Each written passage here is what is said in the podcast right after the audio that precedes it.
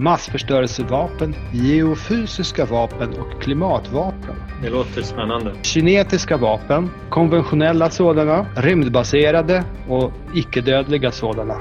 Till sist har vi icke-kinetiska vapen, informations-, medvetande, psykofarmaka och cybervapen. Välkommen till den andra delen av vår podcast om rysk krigsfuturologi. Idag avhandlar jag, Piotr Wawrzeniuk och Marcus Göransson typer av konflikter och krig, hybridkrigföring, följder för operationer och taktik, utveckling av framtidens stridsmateriel och konceptuell utveckling. Jag är militärhistoriker och Marcus är krigsvetare och det är den bästa av världar. Välkommen! Sedan i fråga om framtida kriget så har vi då olika typer av krig och konflikter där Popov och Hamzatov menar att eh, en stad borde ha förmåga att möta alla möjliga typer av konflikter. Förvisso tror de inte på omfattande konventionellt anfall mot Ryssland från ocean till ocean som de skriver med tanke på den ryska avskräckningspotentialen och med tanke på Rysslands konventionella förmågor. Eh, men hotet om krig genom ombud, icke-linjär krigföring, asymmetrisk krigföring och hybrida konflikter Eh, kvarstår och tar eh, också inte heller bort då hotet om omfattande konventionellt krig eller rent av global konflikt som omfattar alla kontinenter. Rymden kring jorden liksom cybersfären. Där har du operativt djup. Eh, Författarna fokuserar, som jag upplever det, på Rysslands framtida potential att föra krig av ny typ med luftlandsättningstrupper, specialstyrkor, cyberoperationstrupper, hemliga operationer och kognitiv påverkan genom informationsoperationer. Eh, en bulk av den reguljära försvarsmakten i den här visionen skulle ha förmåga att utföra styrkedemonstrationer i syfte att förebygga konflikter innan de blir kinetiska. Eh, stommen av förband eh, att utkämpa krig av ny typ borde byggas inom blandning av reguljära och halvreguljära enheter med grundplatta av elittrupper och dito förband som luftlandsättningstrupper, SF, fjälljägare, marininfanteri med mera. Och de är ganska inspirerade här, apropå inspiration om någon form av eh, ja, ömsesidig inspiration. De är inspirerade av Arquillas och Ronfelds term swarming med komplext och föränderligt stridsfält som kräver att förband transformerar till en annan form beroende på behov med decentraliserat princip för användning av styrkor och förmågor där stridshandlingar sker i omfattande operationsrymd och samordnas strategiskt i tid. Det är där någonstans de här herrarna befinner sig. Men vi har ju sparat det bästa, inte till sist, men nästan till sist. Och det är hybridkrigföring, Marcus. Hur, eh, berätta om de ryska visionerna av, av, av, framtidens hybridkrigföring, eller för den delen den pågående hybridkrigföringen. Men var inte alltför utförlig, för att vi kommer ju också att göra en separat podcast, vill jag flagga för, om detta fenomen. Och om ja, hybridkrigföring i allmänhet. Jag ska bara kortfattat redogöra lite för, för eh, ryska tankar om, om hybridkrigföring. Eh, jag tänkte börja med att säga att eh, det finns en viss liksom, rysk upptagenhet vid eh, hur konflikter eh, hur en konflikt kan övergå i en annan eller en konflikttyp kan övergå i en annan konflikttyp och hur eskaleringen dem emellan ser ut. Eh, och begreppet hybridkrig har en viktig plats i resonemangen kring detta. Ehm, hur ser eskaleringen ut från folkliga protester till kärnvapenkrig? Hur, hur övergår den ena konflikttypen, om man vill använda det ordet, i en annan? Ehm, och ehm, hybridkrig i en västländsk bemärkelse avser ju eh, slags multidomän krigföring där man nyttjar eh, styrkor och eh, eh, förmågor från olika domäner i en sammansatt krigföring för att, för att slå mot en, en fiende. och, och den synen på hybridkrig återfinns även i ryska diskussioner men, men i delar av de diskussionerna så föreställer man sig hybridkrig som någonting mycket, mycket bredare. Eh, en slags krigföringsmetod som eh, täcker in ja, i princip allt från eh, medborgarrättsrörelser till specialförbandsoperationer, i irreguljär krigföring. Det, är en, en palett av åtgärder som en stat kan vidta för att angripa då Ryssland eller Rysslands allierade Eh, eller Rysslands eh, intressesfär som de ser det. Ehm, så det begreppet som man kastar sig med ganska mycket i, i, delar av den ryska militärdebatten används som en allomfattande term för att eh, som man använder för att etikettera alla möjliga typer av fenomen. Allting kan, liksom, eller nästan allt skulle jag säga, kan etiketteras som del av hybridkrigföring. Allt från eh, ja, då, politiska aktivister till eh, informationspåverkan eller ja, bara informationskampanjer. Eh, allt möjligt som ryms under det här väldigt, väldigt breda och dåligt definierade termen hybridkrigföring. Eh, men vi ska prata mer om det som sagt i en annan podcast längre fram. Kan du säga någonting om vad det här vi har diskuterat, vad det har för följder för operationer och taktik enligt eh, ryska militärvetare? Absolut, för det är ju en hel del följder som det spekuleras om i våra skrifter. Eh, Popov och Hamzatov menar till exempel att krig av ny typ kommer driva reguljära förband i riktning mot irreguljära handlingar och operationer. Och sådana förband som har den här förmågan att utföra den här breda paletten av eh, operationer skulle bli effektivare på grund av sin oförutsägbarhet. Eh, då det skulle röra sig inte bara om renodlade luftlandsättningsoperationer utan förmåga att utföra stridshandlar med bred tillämpning av attack och transporthelikoptrar, lätt samt högmobil, som ryssarna säger, högmobil stridsteknik med förhöjd karaktäristika och framkomlighetsförmåga. Och när då utrustningen skulle framtagas just för den här typen av, av trupper som utkämpar krig av ny typ. Hög rörlighet och manöverförmåga krävs vid rekognosering och strid mot irreguljär motståndare. Och här, om jag sen får gå och fuska lite bortom vår tid, för vår, vår undersökning täcker ju åren till och med 2018. 2017, 2018, alltså från 2015. Det är något som vi förstås borde ha förtäljt tidigare. Eh, så är det här, eh, jag ser det delvis som någon form av eh, alltså rysk farhåga att man vid försvar av eget territorium, om det nu skulle vara på det här viset, eh, kommer ha svårt att finnas överallt samtidigt. Det sig inte en, en rädsla som delas av rätt många försvarsmakter över världen kan tänkas, men just med tanke på Rysslands storlek så gör det mycket huvudbry. Och inrättandet av eh, Rosgvardia 2016 i, i flera stycken. Löser inte riktigt detta utan man har också diskuterat där att man ska inkludera irreguljära förband med krigsveteraner och från folkrekryterade kontaktorganisationer, det vill säga ideologiskt eh, rätt människor, eh, ungefär i min ålder, i någon form av medelålder som skulle kunna bevaka olika objekt och, och, men även utföra mindre stridshandlingar. Någon form av reserv till, till, till, till Rosgvardia egentligen, eller komplement. Eh, så det här spökar någon form av eh, känsla av utsatthet över, över att behöva som täcka objekt och vikta städer eh, och anläggningar över hela det här vidsträckta området. Gissar jag. Eh, ja, nog med det.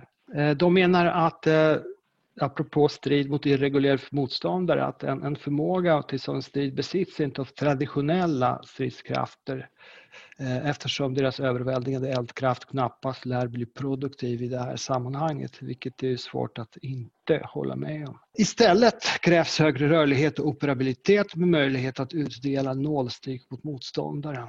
Och de tänker sig att ett stridskompani skulle ingå som stomme i ett förband för krig av ny typ, men också enheter för informationskrigföring, psykologiska operationer, cybertrupper och andra specialstrukturer som de skriver utan att klargöra detta närmare. Blandning av militära och civila experter borde eftersträvas eh, med eh, kulturvetare, historiker, ekonomer, fysiker, antropologer, psykologer och det skulle även finnas kvinnor bland dessa. Kommentar på det? Eh, ja, eh, jo, överhuvudtaget så eh, noterar man ju att man, man har för ögonen i de här diskussionerna ett mer allomfattande krigskoncept som täcker in många fler sfärer än, än kanske bara den liksom rent kinetiska. Ja, om vi går vidare så finns det också herrarna Dulnev och Orliansky som skriver i ryska krigsvetenskapsakademins tidskrift som menar att eh, tillgången på nya vapensystem de närmaste då 30 åren kommer att resultera i att trupper kommer att organiseras annorlunda operativt sett, utrustas med vapen som projicerar riktad energi och programverkansmedel.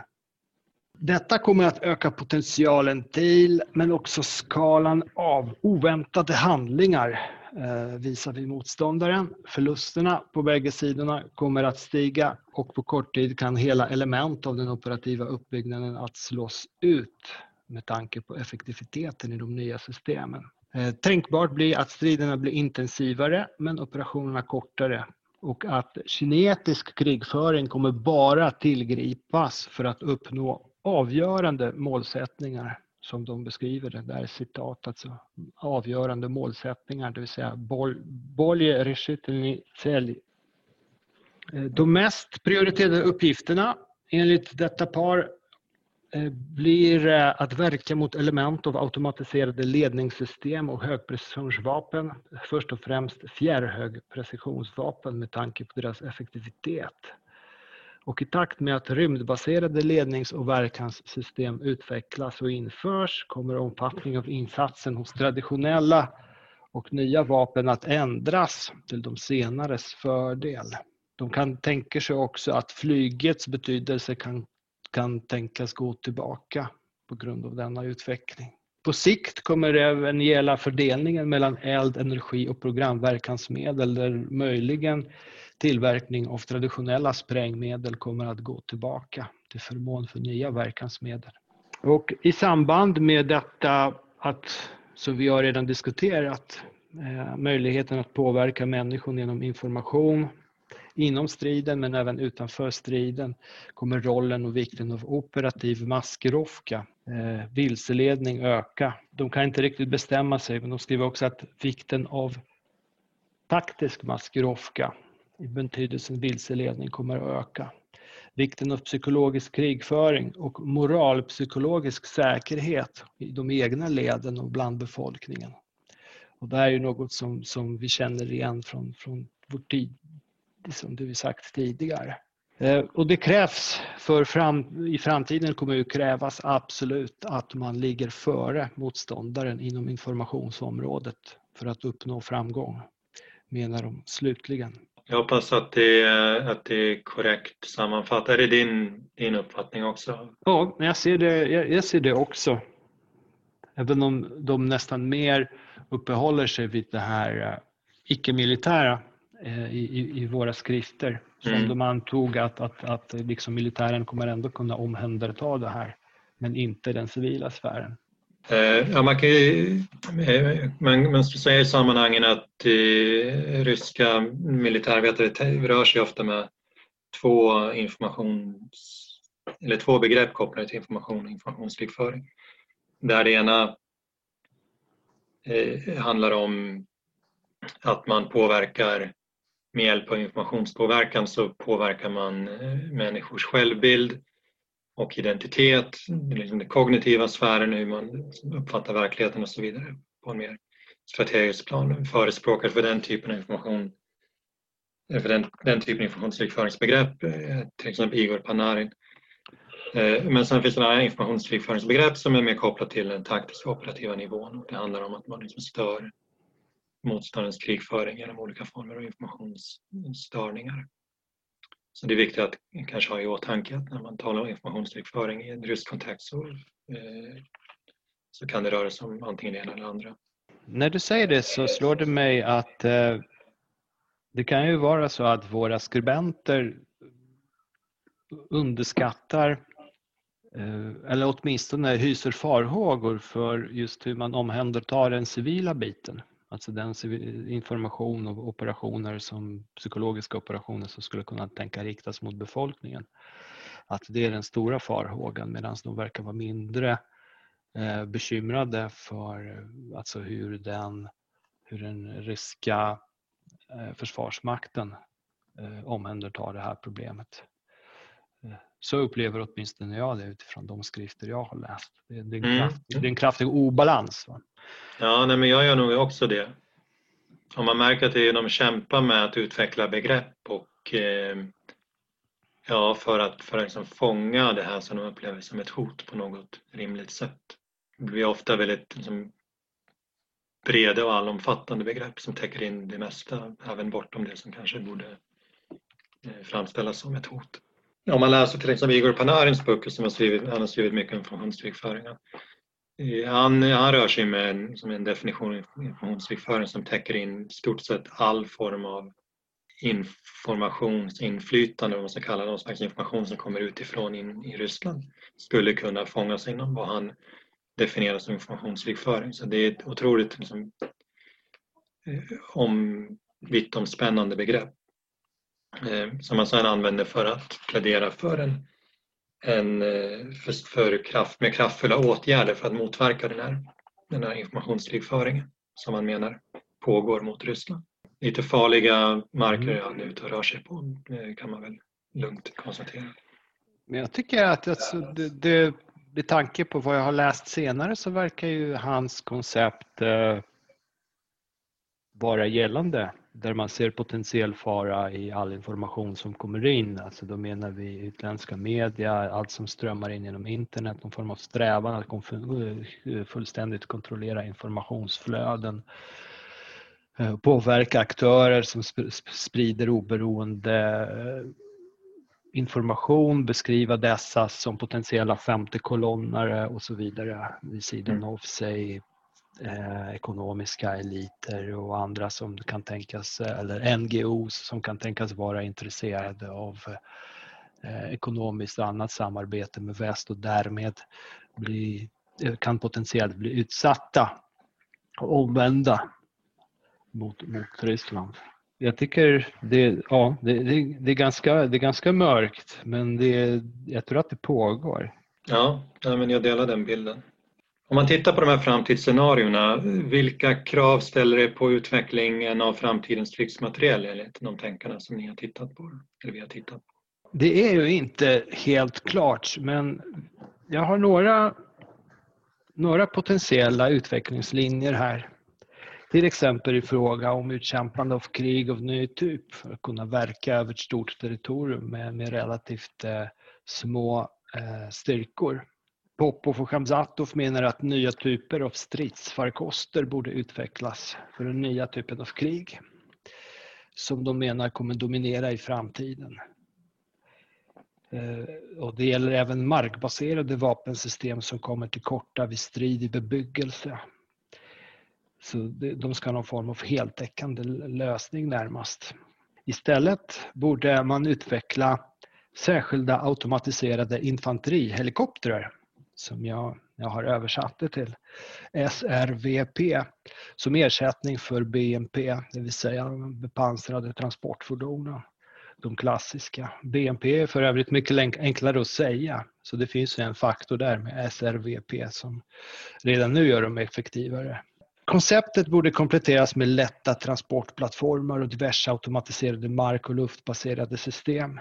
Och de tänker ju förstås också på alltså, om vi tänker tillbaka på deras eh, utvecklings, alltså deras tankar om, om framtidens krigföring, om att säger Ryssland borde ha en bibehållen förmåga att, att verka i alla typer av krig och konflikter, så kategoriserar de framtidens eh, arsenaler som bestående av absoluta vapen. Kan du gissa dig till vad det är för något? Nej, Nej, det är massförstörelsevapen, geofysiska vapen och klimatvapen. ja, det låter spännande. Det låter väldigt spännande. I andra hand har vi kinetiska vapen, konventionella sådana, rymdbaserade och icke-dödliga sådana. Till sist har vi icke-kinetiska vapen, informations-, medvetande, psykofarmaka och cybervapen. Så det är inom alla dessa då, kommande utmaningar så kommer man verka med, med de här systemen då beroende på typ av konflikt och målsättningar. Eh, inom de närmaste årtiondena menar de då, kommer utvecklingen av AI bidra till autonoma och halvautonoma plattformar avsedda att lösa en mängd logistiska underhåll och särskilda uppgifter. Stridsrobotar kommer att utgöras av automatiserade system försedda med artificiell intelligens som innehar hög eller full autonomi. Däremot, till min stora besvikelse så utesluter de att eh, robotsoldater kommer att sättas in. För inom överskådlig framtid menar de så kommer soldater vara fortsatt bättre att sätta in utom eh, operationer i sig, till exempel radioaktivt nedsmittade områden. De är inte sådär överoptimistiska gällande utvecklingen av AI och, och inom vapensystem som vissa kan, kan vara utan menar att i närmare tidsperspektiv så kommer automatiserade system endast kunna lösa konkreta uppgifter i konkret taktiskt sammanhang. Och deras, eh, och detta helt enkelt för att deras adaptativa förmågor på stridsfältet kommer att vara förhållandevis låga. Och här finns det också det här sambandet och samarbetet robot-människa, automatiserat system-människa att utvecklas innan de får eh, bättre Eh, effekt.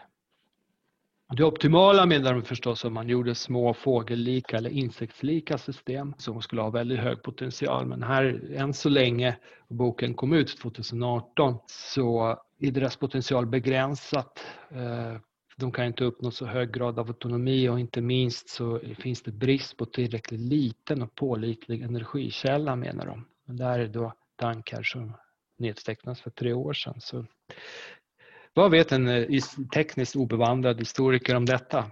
Slutligen nämner de även eh, nätverksbaserat försvar som de ser som stor förmågehöjning främst genom att stridsledningscykeln förkortas men också tack vare att eldgivnings och manöver och annan karaktäristika hos individuella vapenplattformar ökar. Nästa steg menar de borde vara införande av kunskapscentrisk krigföring Znanje-centrическая война, vars essens bygger på överföring av kunskaper istället för information. Och här hänger jag inte med måste jag ärligt talat eh, säga. Överföring av kunskaper istället för information. Eh, är kunskaper färdigprocessat information? Jag hänger inte heller riktigt med.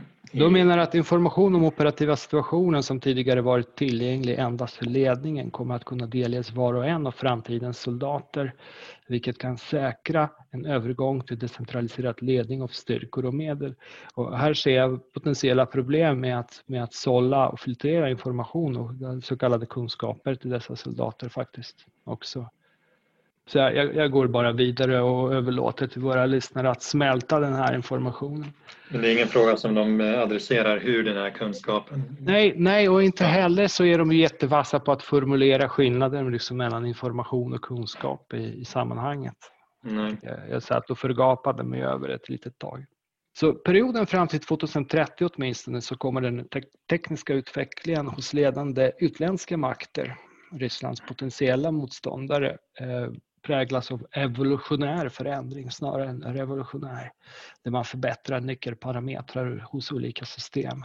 Det sker utveckling av nya trupp och vapenledningssystem, spaningsinformations navigationssystem, automatiserade sambandssystem, medel för informationsmotverkan, automatiserade stridsmedel, hypersoniska vapen, olika typer av vapen som bygger på nya fysiska principer. Det är det de också, det som nämndes tidigare här med geofysiska vapen till exempel, gissar jag.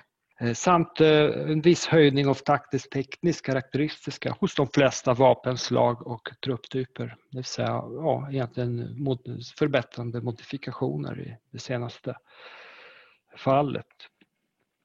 Och här kommer jag kommer säga ytterligare en av dessa termer som jag älskar och det är ju stor spatial omfattning, prastranstven i razmach. Vissa saker fastnar ju bara. Och det gäller eh, dessa nya egenskaper som jag precis nämnt eh, och deras kombination. Eh, deras kombinerade då styrka kommer skapa effektiv operativ samverkan på stridsfältet vilket kommer leda till den här stora spatiala omfattningen hos framtidens krig. Där, alltså från strid i cyberrymden och liksom ute i ja, jordens alla möjliga hörn. Eh, någon form av nätcentrisk integration av olika vapentyper på alla dessa eh, nivåer. Jag undrar om de skulle beteckna de här militärtekniska framstegen som de beskriver som en militärteknisk revolution eller om, om det snarare är en evolution i, i, den, i den militärtekniska utvecklingen. Det är ändå ganska långtgående förändringar de, de tycks beskriva.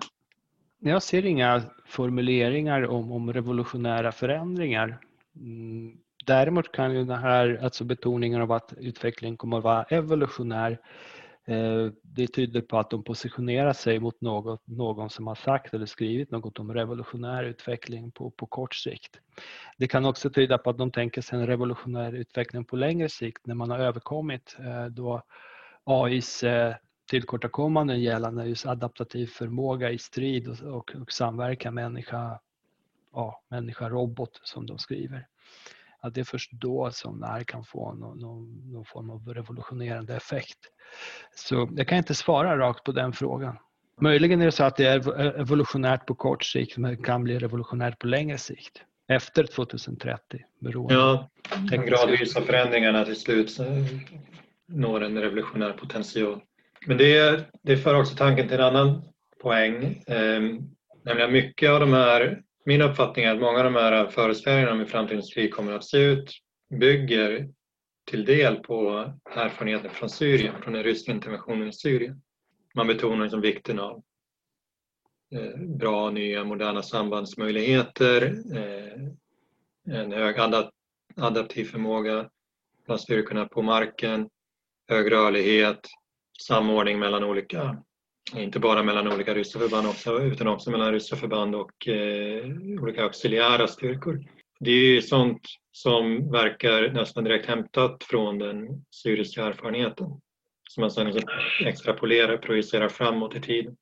Och eh, till och med generalstabschefen Valerij Gerasimov har ju beskrivit Syrien som en modell för Rysslands framtida krigföring. Frågan är hur mycket av en modell eller hur representativ den syriska interventionen faktiskt är för den typen av krig som Ryssland kan komma att bli inblandat i framöver. Det, det, är ganska svårt att, att säga så mycket om det, annat än att de just är ganska nöjda och stolta över Syrieninsatsen. Och vissa saker eh, är ju det är tämligen enkla saker. Det verkar vara glädje över att man överhuvudtaget har en, en viss expeditionär förmåga Eh, Eh, som när biträdande försvarsministern Bulgakov lyfte fram logistiska operationer, eh, överförande av materiel med olika transportmedel, inklusive specialbyggda rörledningar för drivmedel, byggen av väg och vägar och depåer, personal som inkvarteras i ändamålsenliga och luftkonditionerade byggmoduler det, det, det, säger snarare om, om de egna till, något om de egna tillkortakommandena än om det där med bygg och rörledningar och annat. Det, alltså, vi går tillbaka till det, det andra världskriget så fanns ju liksom liknande installationer i jätteomfattning.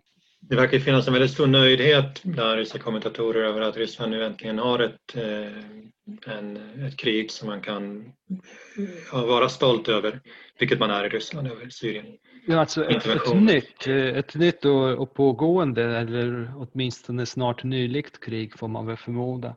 Ja. Eh, visst är det så och här, här finner man ju också får se, det är generalöverste Dvornikov tror jag som, som berättade att man har då bedrivit tunnelkrigföring och antitunnelkrigföring. Och det, som historiker så tycker jag inte heller att det här är ju liksom särdeles nytt. Möjligen så har man ju då tekniska hjälpmedel som gör att man kan lokalisera den här typen av verksamhet bättre och verka mot den bättre. Men det för ju tankarna till första världskriget.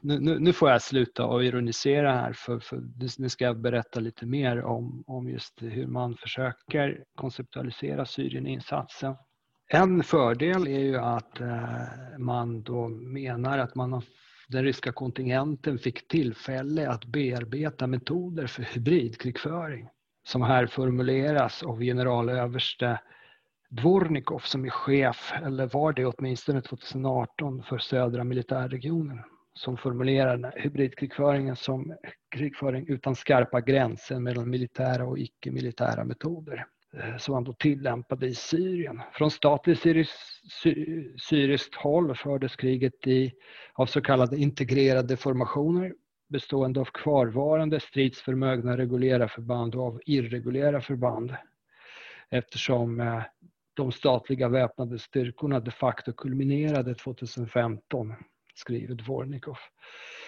Och de irreguljära styrkorna rekryteras bland frivilliga. De utgjorde merparten av de syriska styrkorna och eh, under deras insättning så, så um, hade ryska militära experter en ledande roll. Man genomförde en mängd operationer med högt tempo och oavbrutna operationer för att trötta ut motståndaren. Bra effekter åstadkoms Koms menar Dvornikov genom samordning av flyg, artilleri, infanteri eh, med kombination av olika strids och ingenjörsfordon. Eh, bra diversionsarbete under strider mot, eh, om Aleppo, informationskrigföring tillämpades brett, vilket då ska ha bidragit till att civilbefolkningen i Aleppo till exempel kunde vinnas för den sittande presidenten. Och det är någonting, den nyhet som har undanhållits den övriga världen verkar det som. Eh, det är inte, det är inte den bild som jag har fått. Men eh, så då, han menar överlag att eh, han har utvecklat och testat nya metoder för sammansättning av militära grupperingar som integrerade strukturer, reguljär irreguljär med motsvarande blandat ledningssystem. Och dessa erfarenheter måste bearbetas och förvandlas till lärdomar med inräkning av tidigare historiska skeenden men också potentiell framtida utveckling. Och här ser jag återigen Eh, den här farhågan att behöva täcka ganska stort territorium med otillräckliga styrkor. Den här irreguljära komponenten kan, kan anses, diskuteras som någonting som kan komma vara väl till hands. Då. Eh, Gerasimov på sin eh, sida, generalstabschefen, menar att Syrien visar på betydelsen av högprecisionsfjärrvapen. Varje strategisk inriktning i Ryssland nu utrustas för, med bärare av land-, sjö och luftbaserade kryssningsmissiler. Och man arbetar med förbättring av ledningsstrukturer, eh, skapar särskilda enheter för säkring av information, inför datakomplex för snabbare insättning av förband i strid och, och så vidare. Det är ungefär så det eh, lät 2018 åtminstone. Utveckling av ledningssystem skulle prioriteras eh, utifrån detta. Och man var också mäkta stolt över att eh, efterfrågan på chefer med stridserfarenhet har kunnat tillgodoses mycket bättre tack vare Syrien där alla, nästan alla divisionschefer och mer än hälften av brigad och regementscheferna har på något sätt fått en erfarenhet. De har vallats i Syrien och deltagit i något åtminstone. Och överlag så ska utbildningsnivån bland förbanden ha höjts. Man har använt Syrieninsatsen lite grann som gigantisk VFU där ryska officerare och, eh, och yrkessoldater har liksom cirkulerats igenom för att ofta på väldigt korta tidsintervaller på tre månader ibland för att skaffa sig eh, erfarenhet från, från marken. ja.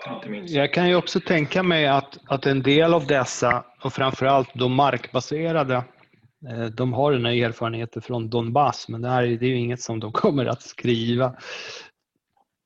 Det, det kan ju tänkas att de har roterats den, den vägen.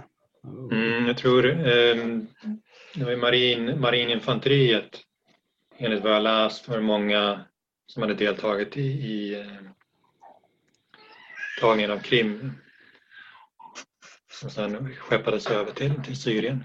Och även många som in, ingick i Wagnerstyrkan, det privata militära företaget som hade varit i Ukraina tidigare i Donbass och eh, senare satte sig in i, i Syrien. Det var ju ofta mycket samma manskap. Ukraina, ukrainarna påpekar uh, oförtröttligt att, att eh, ryska officerare roteras, att, att, leda, uh, att leda de här så kallade uh, republikernas armékårer och, och, och, olika, och olika militära strukturer där de då, både då har med sig militär kompetens men också lär sig under ja, heta situationer. Tack för att ni lyssnade. Och om ni någonsin undrade så kommer både Marcus och jag från Militärvetenskapliga institutionen på Försvarshögskolan. Vi hörs i slutet av månaden. Adjö!